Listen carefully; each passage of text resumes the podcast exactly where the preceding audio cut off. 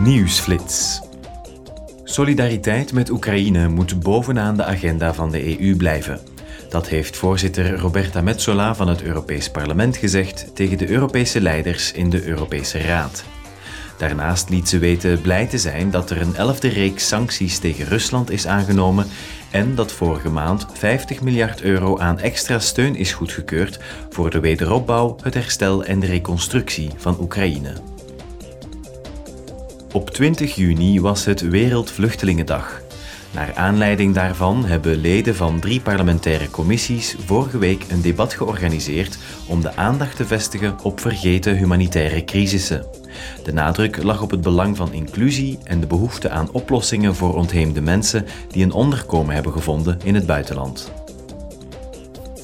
Onlangs verloren 603 werknemers van het Waalse Logistics Nivel hun baan, omdat het moederbedrijf had besloten de vestiging te sluiten.